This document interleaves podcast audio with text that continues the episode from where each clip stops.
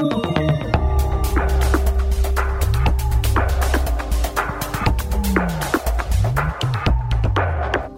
Podcast. Dünya halinden herkese merhabalar. Ben Cemre Yüker.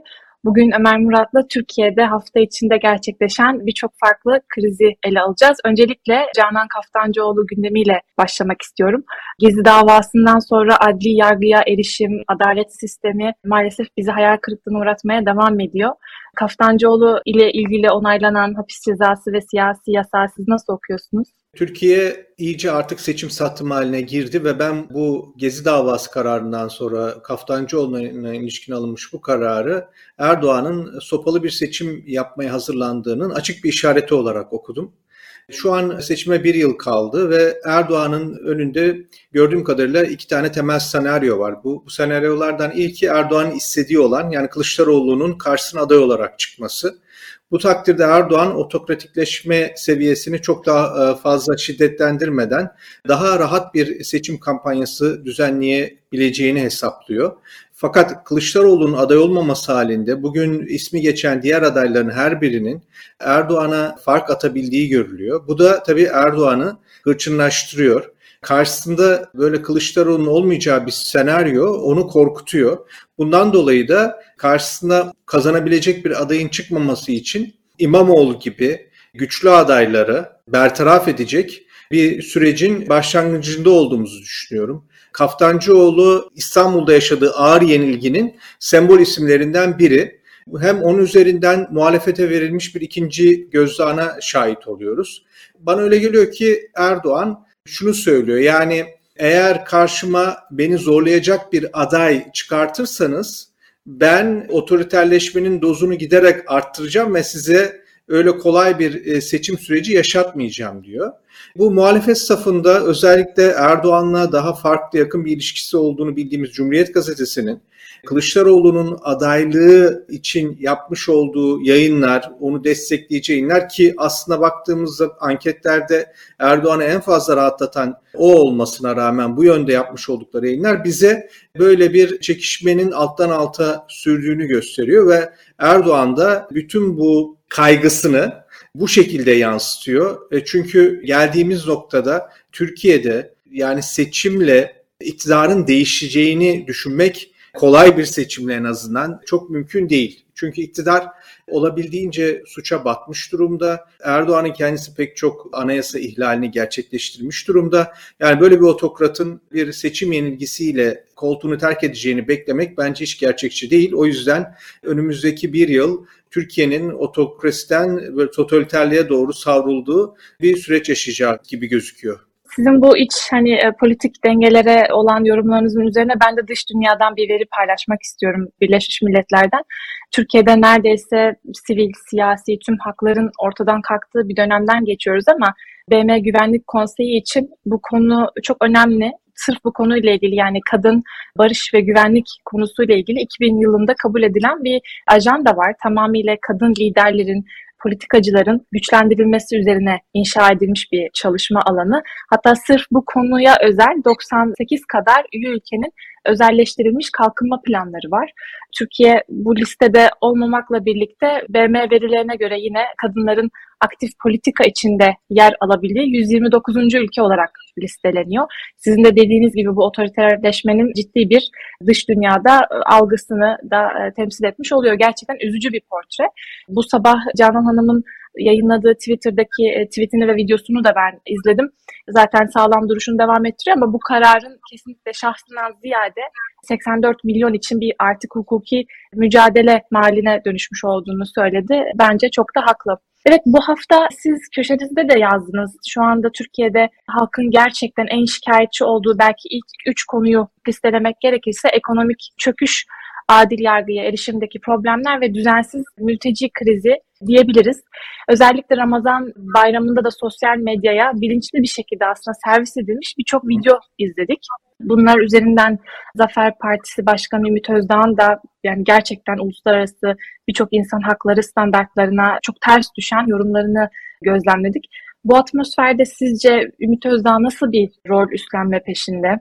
Ya ben bu Zafer Partisi'nin ortaya çıkışından itibaren şöyle bir şeyi gözlemledim. Bu MHP'nin iktidar ortağı olduğu için hükümete eleştiri getirememesinden dolayı milliyetçi oyların İYİP'e doğru giderek kaydığını anketlerde görüyoruz. İşte bu soruna bir çözüm üretmek üzere ortaya çıkmış bir parti gibi geldi bana Zafer Partisi. Yani bir yandan özellikle bu işte Avrupa'da alışmış olduğumuz tarzda aşırı milliyetçi, ırkçılığa varan sloganlarla yabancı karşıtlığını körükleyerek özellikle yani ekonomik kriz ortamında halkın bu konulardaki hassasiyetinin artmış olmasından da istifade ederek bu tip bir söylemler yürütmek ve tabii bu Akşener liderliğindeki İyi Parti ki o daha orta saha oynamaya çalışıyor. Yani bu söylemleri nispeten daha ılımlı bir şekilde götürmeye ılımlı. çalışıyor. Hem evet. onun hem onun dengesini bozacaktı.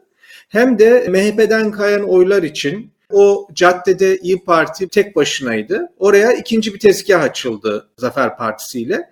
Böylece bir nevi bir emniyet sübabı işlevi görecekti. Fakat yani bu sizin bahsetmiş olduğunuz gibi yani bu söylemler, her gün ortaya çıkan videolar, bunun sosyal medyada böyle çok aşırı bir şekilde yayılması, bir de şunu ortaya çıkardı. Toplumda biliyoruz zaten yani bir alttan alta bir gerilim var. Yani merkez medyanın olmaması, ekonomik sıkıntıların toplumsal kamuoyu gündemine yeteri kadar gelmemesi bu alttan alta gerilimin böyle beslemesine yol açıyor. Yani ortaya evet bunun olmadığı anlamına gelmiyor. Şimdi bu göçmen meselesi bütün böyle Türkiye'deki farklı partilerden, farklı toplumsal kesimlerden herkesin buluştuğu ortak bir nokta gibi oldu. Yani anketlerde de onu görüyor. Yani burada yönetilmemiş bir mülteci akını söz konusu. Yani iktidarın yaptığı pek çok hatalar var. İşte bu Suriye krizi bağlamında ve o Suriye meselesini kötü yönetmesinin yan sonuçlarından biri de işte milyonlarca Suriyelinin ülkemize mülteci olarak ağırlanmasıdır. Şimdi yani bu göçmen meselesi öyle bir hal aldı ki iktidarın hem ekonomiyi kötü yönetmesi hem dış politikayı yönetmesinin adeta böyle bir sembolü haline geldi ve doğrudan da Erdoğan eleştirilmediği için bana öyle geliyor ki birazcık da çok böyle rahat bir şekilde bu videolar kullanılmaya, bu söylemler dile getirilmeye başladı. Ama Neticede şöyle bir hava çıktı. Yani sokaklarda kadınlarımız, çocuklarımız güvenle yürüyemiyor. Korku içerisindeler. İşte böyle e, tehlikeli yabancılar onlara karşı işte videolarını çekiyorlar, onlara saldırabiliyorlar diye böyle bir hava oluştu ve aslında bu havanın birinci muhatabı İçişleri Bakanı. Yani 6 yıldır İçişleri Bakanlığı görevini yürütüyor. Kabinenin güçlü bakanlarından biri. E, demek ki ülkede iç güvenlikte ciddi bir sıkıntı var. Bu tabii Soylu'yu çok rahatsız etti. Ve bana öyle geliyor ki yani Zafer Partisi İYİP kayacak, CHP'ye belli oranda kayacak oyları kanalize etmek üzere kurulmuşken bir anlamda sanki kontrolden çıktı kuruluş amaçlarının dışına çıkmış oldu. E, yani Erdoğan bile bir sendeledi. Önce dedi ki yani bu toplumsal dalgayı, bu gazı alabilmek için kendi tabanında da olan bizim dedi 1 milyon tane Suriyeliyi ülkelerine geri döndürmek için bir projemiz var dedi. İlk Erdoğan'ın verdiği tepki böyle bir gaz almaya, alttan almaya yönelikti ama bu Erdoğan'ın siyasi çizgisi bakımından yanlış bir tavırdı. Yani bu hatayı kabul etmek. Erdoğan hiçbir zaman hatasını kabul etmez. Burada sanki üstü kapalı bir şekilde hatasını kabul ediyor. Yani biz bu göçmen krizini yönetemedik. Şimdi fazla Suriyeli'yi aldık ülkeye. Şimdi onların bir bölümünü geri göndereceğiz diye. Ama hemen bir hafta kadar sonra bundan hemen bir geri adım attı ve bunu artık bambaşka farklı bir çerçeveye soktu ve sonrasında da Zafer Partisi'nin seçime giren partiler arasında yer almadığını, yer alamadığını gördük.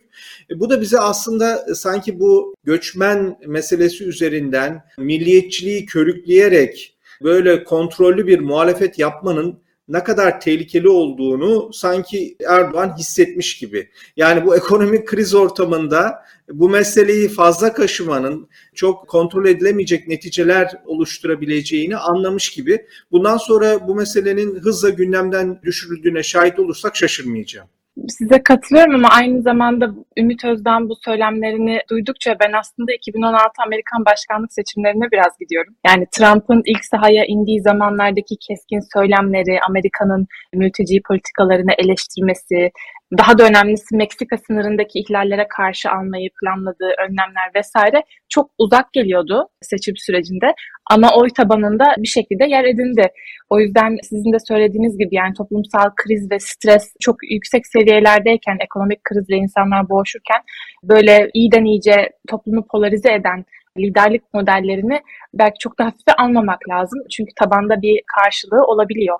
Erdoğan'ın bu süreci nasıl yönettiğinden ya da yönetemediğinden evet biraz bahsettiniz ama yine bu 1 milyon Suriyelinin geri gönderileceğine dair açıklamalar farklı liderler tarafından da yapıldı. Belki biraz Suriye tarafından da konuyu yorumlayabiliriz. Yani aslında böyle bir şey mümkün mü ki? Suriye'deki atmosfer sizce şu anda bunun için müsait mi? Bu akımın geri gönderilmesi için. Muhalefetin bu konuda söyledi. Yani biz iktidara gelince bir iki sene içerisinde Suriyelilerin çoğunu geri göndereceğiz. Bu hiçbir gerçekçi olmayan bir şey. Bunu açıkça söyleyelim. Suriye'de böyle bir ortam söz konusu değil. İşte bazen onu görüyorum. İşte Esad'la anlaşacağız. Esad af ilan edecek. Yani bu eğer Suriye'de ne olup bittiğini hiç anlamamak değilse yani böyle bir gerçekten zalim bir pişkinlik demek yani bu Suriyeli mültecilerin böyle Esad'la anlaşmayla bir af duyurusuyla e, yani o ülkeye dönmeye ikna olacaklarını sanmak. Şu anda Suriye çok parçalı bir görüntü arz ediyor. Suriye'de iç savaş devam ediyor. Yani ülkenin güneyinde Esad rejimi hakim. Doğusunda işte YPG'nin ana omurgasını oluşturduğu Suriye Demokratik Güçleri idare hakim. Kuzeyinde Türkiye sınırında Türkiye'nin asker harekatları sonucu oluşmuş Türkiye'ye bağlı idareler var.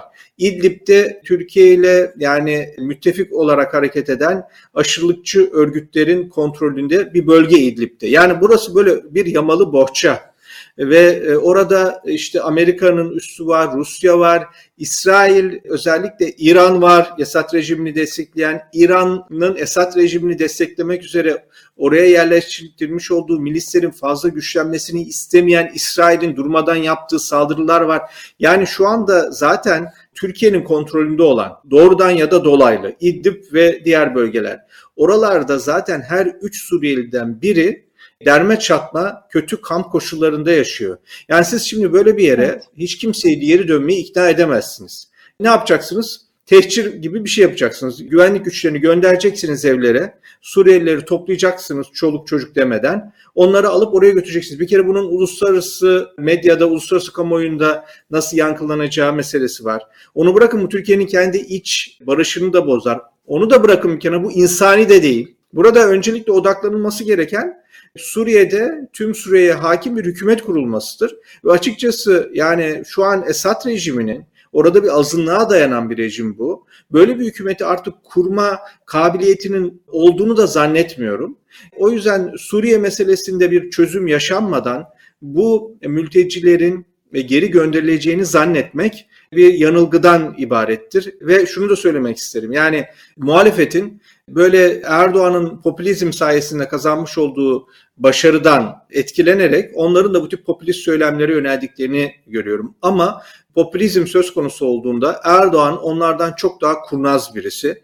Yani popülizm müsabakasında şu anki mevcut ve potansiyel muhalefet liderlerinin hiçbirinin Erdoğan'ı yenebileceğini zannetmiyorum. Burasının yanlış bir yol olduğunu düşünüyorum.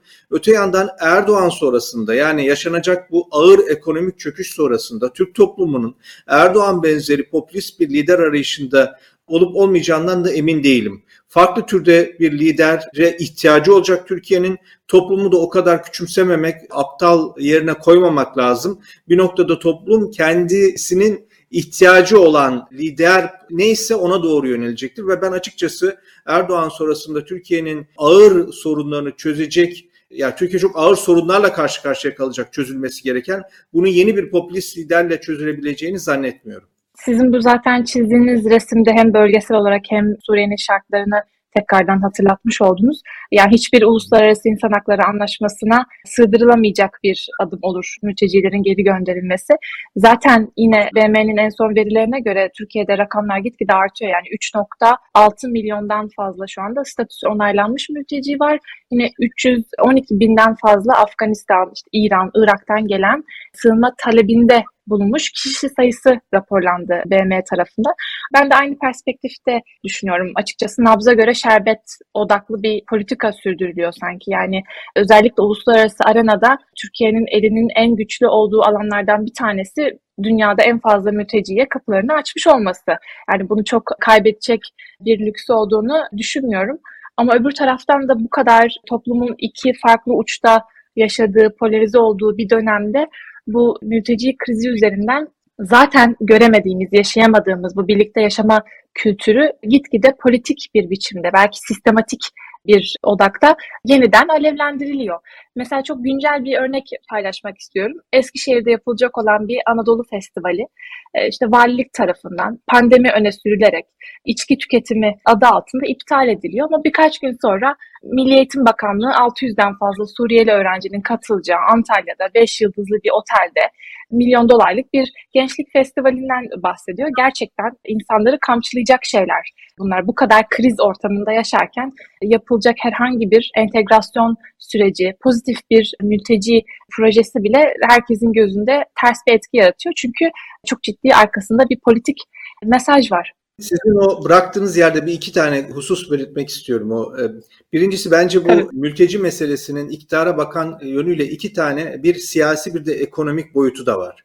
Ekonomik boyutunda yani şimdi bu mülteciler Türkiye'ye niye akın akın geliyor? Bunlar kolay gelmiyorlar. Yani sınırları, dağları, ovaları aşarak Türkiye'ye ulaşmaya çalışıyorlar. Pakistan'daki, Afganistan'daki evlerini, yurtlarını bırakıyorlar. İnsanların böyle evlerini, yurtlarını bırakıp da yollara dökülmesi için bir neden olması lazım. Çünkü oralarda iş bulamıyorlar ve Türkiye'de iş bulabileceklerini düşünüyorlar. Şimdi e, Türkiye'de işsizliğin yüksek olduğu bir ülke. Acaba bu insanlar neden Türkiye'de iş bulabileceğini düşünüyor diye baktığımızda e, görüyoruz ki pek çok Türkiye'de iş yeri bu göçmenlerin kaçak bir şekilde çalıştırıyor, çok ucuza çalıştırıyor.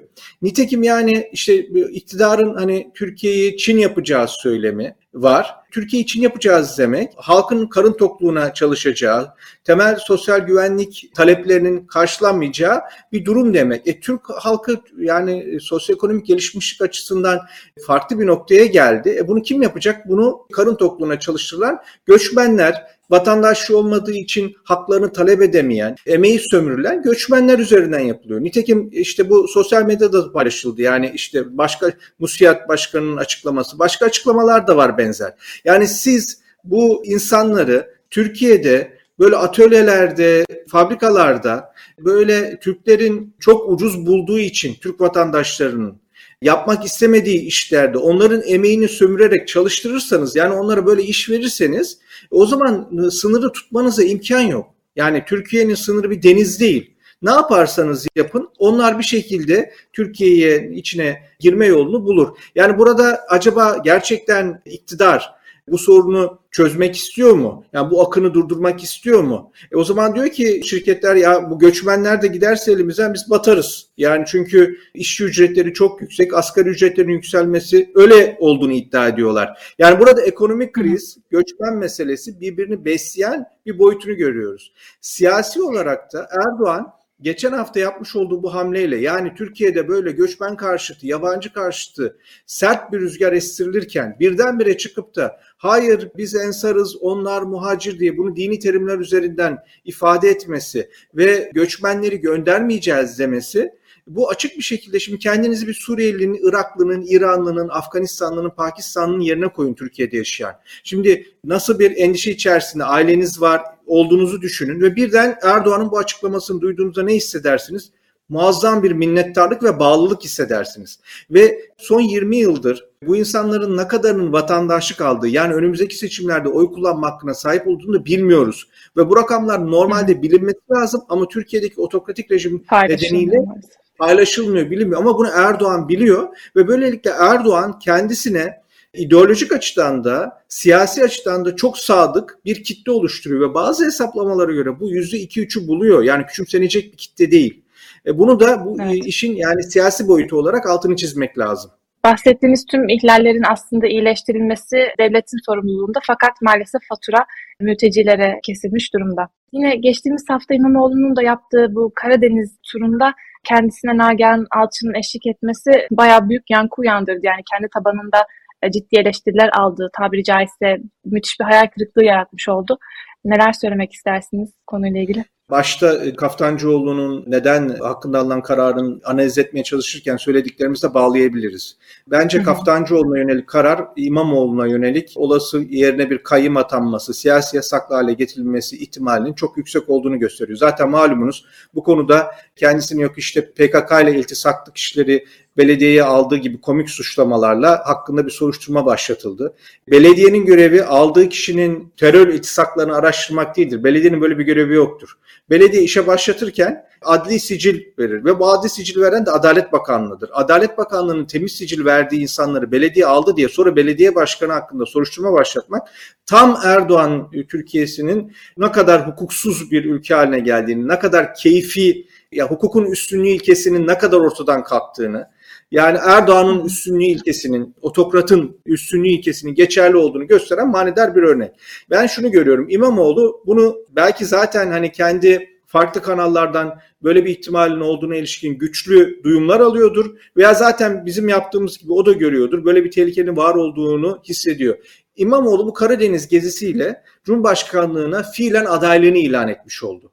Ve bu ilanı niye buna gerek duyuyor? Bunun üzerinde durduğumuzda bence İmamoğlu Erdoğan tarafından seçim öncesinde veya sonrasında benim şahsi düşüncem Erdoğan'ın seçim öncesinde İmamoğlu'nu görevden alıp onun üzerinden bir siyasi kavga başlatıp ve seküler muhafazakar kamplaşmasını o kavga üzerinden yürütüp ekonomik konuların fazla konuşulmasını engelleyerek bir seçim kampanyası yürüteceğini düşünüyorum. İmamoğlu da benim gördüğüm kadarıyla ya öncesinde ya da sonrasında yani seçim sonrasında Erdoğan'ın kendisini görevden almayı kafasına koyduğunu anlamış durumda ve kolay bir yem olmamaya çalışıyor. Yani şu şeyi veriyor. Erdoğan beni neden görevden aldı? Çünkü beni görevden alması nedeni herhangi bir terörle iltisaklı olduğum için değil. Ben onun karşısında gerçek bir rakiptim. Beni gerçek bir rakip gördüğü için görevden aldı deyip halkta bir tepki oluşmasını sağlamaya çalışıyor. Evet. Yani bir tepki oluşsun ki Erdoğan almaya cesaret edemesin diye. Fakat şimdi burada şöyle bir durum da var. Bahsetmiş olduğunuz Nagihan Alçı olayı. Şimdi Erdoğan sonrasına Türkiye'nin seçimle yani normal bir seçimle geçeceğini konusunda benim ciddi şüphelerim var. Açıkçası ben artık Türkiye'nin maalesef o köprüden önce sonra çıkış çıkışı geçeli çok olduğunu düşünüyorum. Yani Erdoğan hiçbir zaman böyle bir normal bir seçimle koltuğunu bırakmaya razı olmayacağını düşünüyorum. Yani bugün YSK ve Anadolu Ajansı Erdoğan'ın tamamen talimatına bakar durumda. Sanırım bunu artık kimse çok sorgulamıyor. Yani seçim akşamı tutup da yani YSK'ya böyle açıklama yapacaksınız. Anadolu Ajansı'na bu verileri geçeceksiniz. Güvenlik güçlerine buna itiraz eden halk olursa gidip dağıtacaksınız diye saraydan talimatlar gitti. Bunu uygulanmayacağını herhalde kimse beklemiyor. Yani bunun ben çok zor olduğunu düşünüyorum. Ama hani diyelim seçimle bir değişim olacaksa bunu yapacak olan muhalif liderin yani Erdoğan'ın karşısına geçecek olan muhalif liderin işi çok zor. Hani malumunuz İngilizce'de bir deyim vardır. Herculean task derler. Yani ancak Herkül kadar kuvvetli, güçlü bir adamın yapabileceği bir iş derler. Şu an Türkiye'nin Erdoğan sonrasına böyle normal bir seçimle geçme ihtimali varsa bu ancak böyle Herkül gibi güçlü, kabiliyetli bir muhalif liderin ortaya çıkmasıyla mümkün olabilir ki ben İmamoğlu'na baktığımda bu kabiliyetlere ve bu karizmaya ve bu entelektüel derinliğe sahip olmadığını görüyorum. Ya yani bu e, İmamoğlu'nu küçümsemek değil. Dediğim gibi yani böyle çok çok özel, çok karizmatik, çok böyle e, fikri derinlikli bir lider gerektiriyor ki böyle bir geçiş sürecinin başarabilsin çok zor. Bir yandan Erdoğan'ın baskısını hissederken diğer yandan da toplumsal tabanı yani arkasında toplamaya çalıştığı muhalif tabanı arkasında toplayabilecek o dirayeti göstermekte çok zorlanacağını görüyoruz burada. Yani bu fotoğrafın yani şöyle bir şey var hep başından itibaren İmamoğlu'nda hem sağ hem sol hem Deniz Gezmiş, hem Alparslan Türkeş, hem Necmettin Erbakan. Yani o fotoğrafta da bütün böyle bu siyasi elimleri temsil eden birer gazeteci e, koyulmuş. Öyle bir fotoğraf. Ya bu biraz bana basit bir çözüm gibi geliyor. Yani daha sofistike bir siyasi hareket ve duruşla Erdoğan'ın karşısına geçmek gerekiyor. İmamoğlu bu zor işi yapmakta biraz zorlandı, biraz sendeledi. Yani mesele sadece orada o gazetecilerle fotoğraf vermek değil. Ondan sonra vız gelir tırıs gider. Oradaki tepkilerini daha evet. dikkatli ve kontrolü vermiş olsaydı bu krizi çok az yarayla atlatabilirdi. Hele şimdi Kaftancıoğlu'nun davasından sonra iyice unutulacaktı ama bunu başaramadı. Bu vız gelir tırıs gider söylemini hatırlatmış olmanız bence çok yerinde oldu. Çünkü aslında herkesin görmekten bıkmış olduğu belki de güç zehirlenmesi sınırlarına İmamoğlu'nun da aslında girmiş olduğunu sinyalini verdi. Böyle bir sızıntı yaptı yani kendi portfolyosuyla ilgili. Gerçekten bence daha çok Nagihan Alçı'nın orada bulunmasından ziyade bu söylemi benim e, yorumlamama göre daha dikkat çekti. Evet bu haftayı toparlarken bence geçmeden bir kritik hadise daha var ele almamız gereken. Finlandiya'nın NATO kararı ile ilgili görüşlerinizi de alıp belki yavaş yavaş e, bugünkü söyleşimizi kapatabiliriz. Evet, şimdi daha çok e, iç siyaset üzerinde dururken bir yandan da Ukrayna'da savaş devam ediyor ve bu Ukrayna'daki savaşın uluslararası sistem üzerindeki yaptığı büyük dalgalanmalar, etkiler sürüyor. Maalesef Türkiye giderek e, seçim satım haline girmenin etkisiyle içine gömülürken dünyada ister istemez Türkiye'yi etkileyecek büyük çapta gelişmeler oluyor. Finlandiya'nın NATO üyeliği başvurusu yapmaya karar vermiş olması da böyle bir durum. Yani Finlandiya 2. Dünya Savaşı'ndan sonra tarafsızlık ilgesi uygulayan bir ülkeydi. Yani Batı ile Sovyetler arasında ve bu ilkesini terk ediyor. Çünkü kendisini artık güvende hissetmiyor ve yine uluslararası basın okuduğumuz haberlerden bugün yarın İsveç'in de benzer bir karar almak üzere oldu. İsveç'te Napolyon savaşlarından bu yana Rusya ile Batı arasındaki çatışmalarda tarafsız bir konum izliyordu. Bu yüzden zaten bu iki ülke NATO üyesi değildi. Şimdi bunların böyle bir tavır alması bir kere Putin'in Batı'yı ne kadar yanlış okuduğunu ve atmış olduğu bu hamleyle Batı kampında safları ne kadar sıklaştırmakta olduğunu bir daha gösteriyor. Putin Ukrayna'ya NATO üyesi olacağı iddiasıyla yani NATO üyesi olacak benim güvenlik benim için güvenlik tehdidi deyip o yüzden oraya böyle girdiğini, Kırım'ı ilhak ettiğini falan söylüyor. Bunun böyle olmadığını, hikayenin daha farklı olduğunu e, hem yazdık, anlattık. Ona şimdi ayrıntılarına girmeyeceğim. Ama şimdi siz Ukrayna'ya bu şekilde saldırmışken Finlandiya ve İsveç'in yapacağı yani bu NATO üyeliğine karşı ne tür bir tepki vereceksiniz? Şimdi Rusya ilk tepkisi böyle tehditkar oldu. Ama bir yandan da Ukrayna'da Rusya için işler hiç iyi gitmiyor. Ukrayna'da kafasını kaldıramayan Rusya yeni cepheler mi açacak kendisine? Burada biz sıkışan bir Putin Rusyası görüyoruz ve hala bu savaşın nasıl sona ereceğine ilişkin bir çözüm ortada yok ve önümüzdeki dönemde bunun daha pek çok yansımalarına şahit olacağız gibi gözüküyor. Çok büyük çaplı. Finlandiya'nın bu tarafsız duruşunu bozmuş olması gerçekten önemli bir mesaj veriyor bizlere. Yine hayli yoğun, meşgul bir haftayı geride bırakıyoruz. Bugün Ömer Murat'la Canan Kaftancıoğlu kararını ele aldık. Türkiye'nin mülteci krizinin iç politikaya olan yansımalarını görüştük. İmamoğlu'nun hayli sorgulanan duruşunu yorumlamış olduk. Ee, çok teşekkür ediyorum. Bir sonraki programımızda farklı bir dünya halinde buluşmak üzere. Hoşçakalın. Ben teşekkür ediyorum. Herkese iyi akşamlar diliyorum.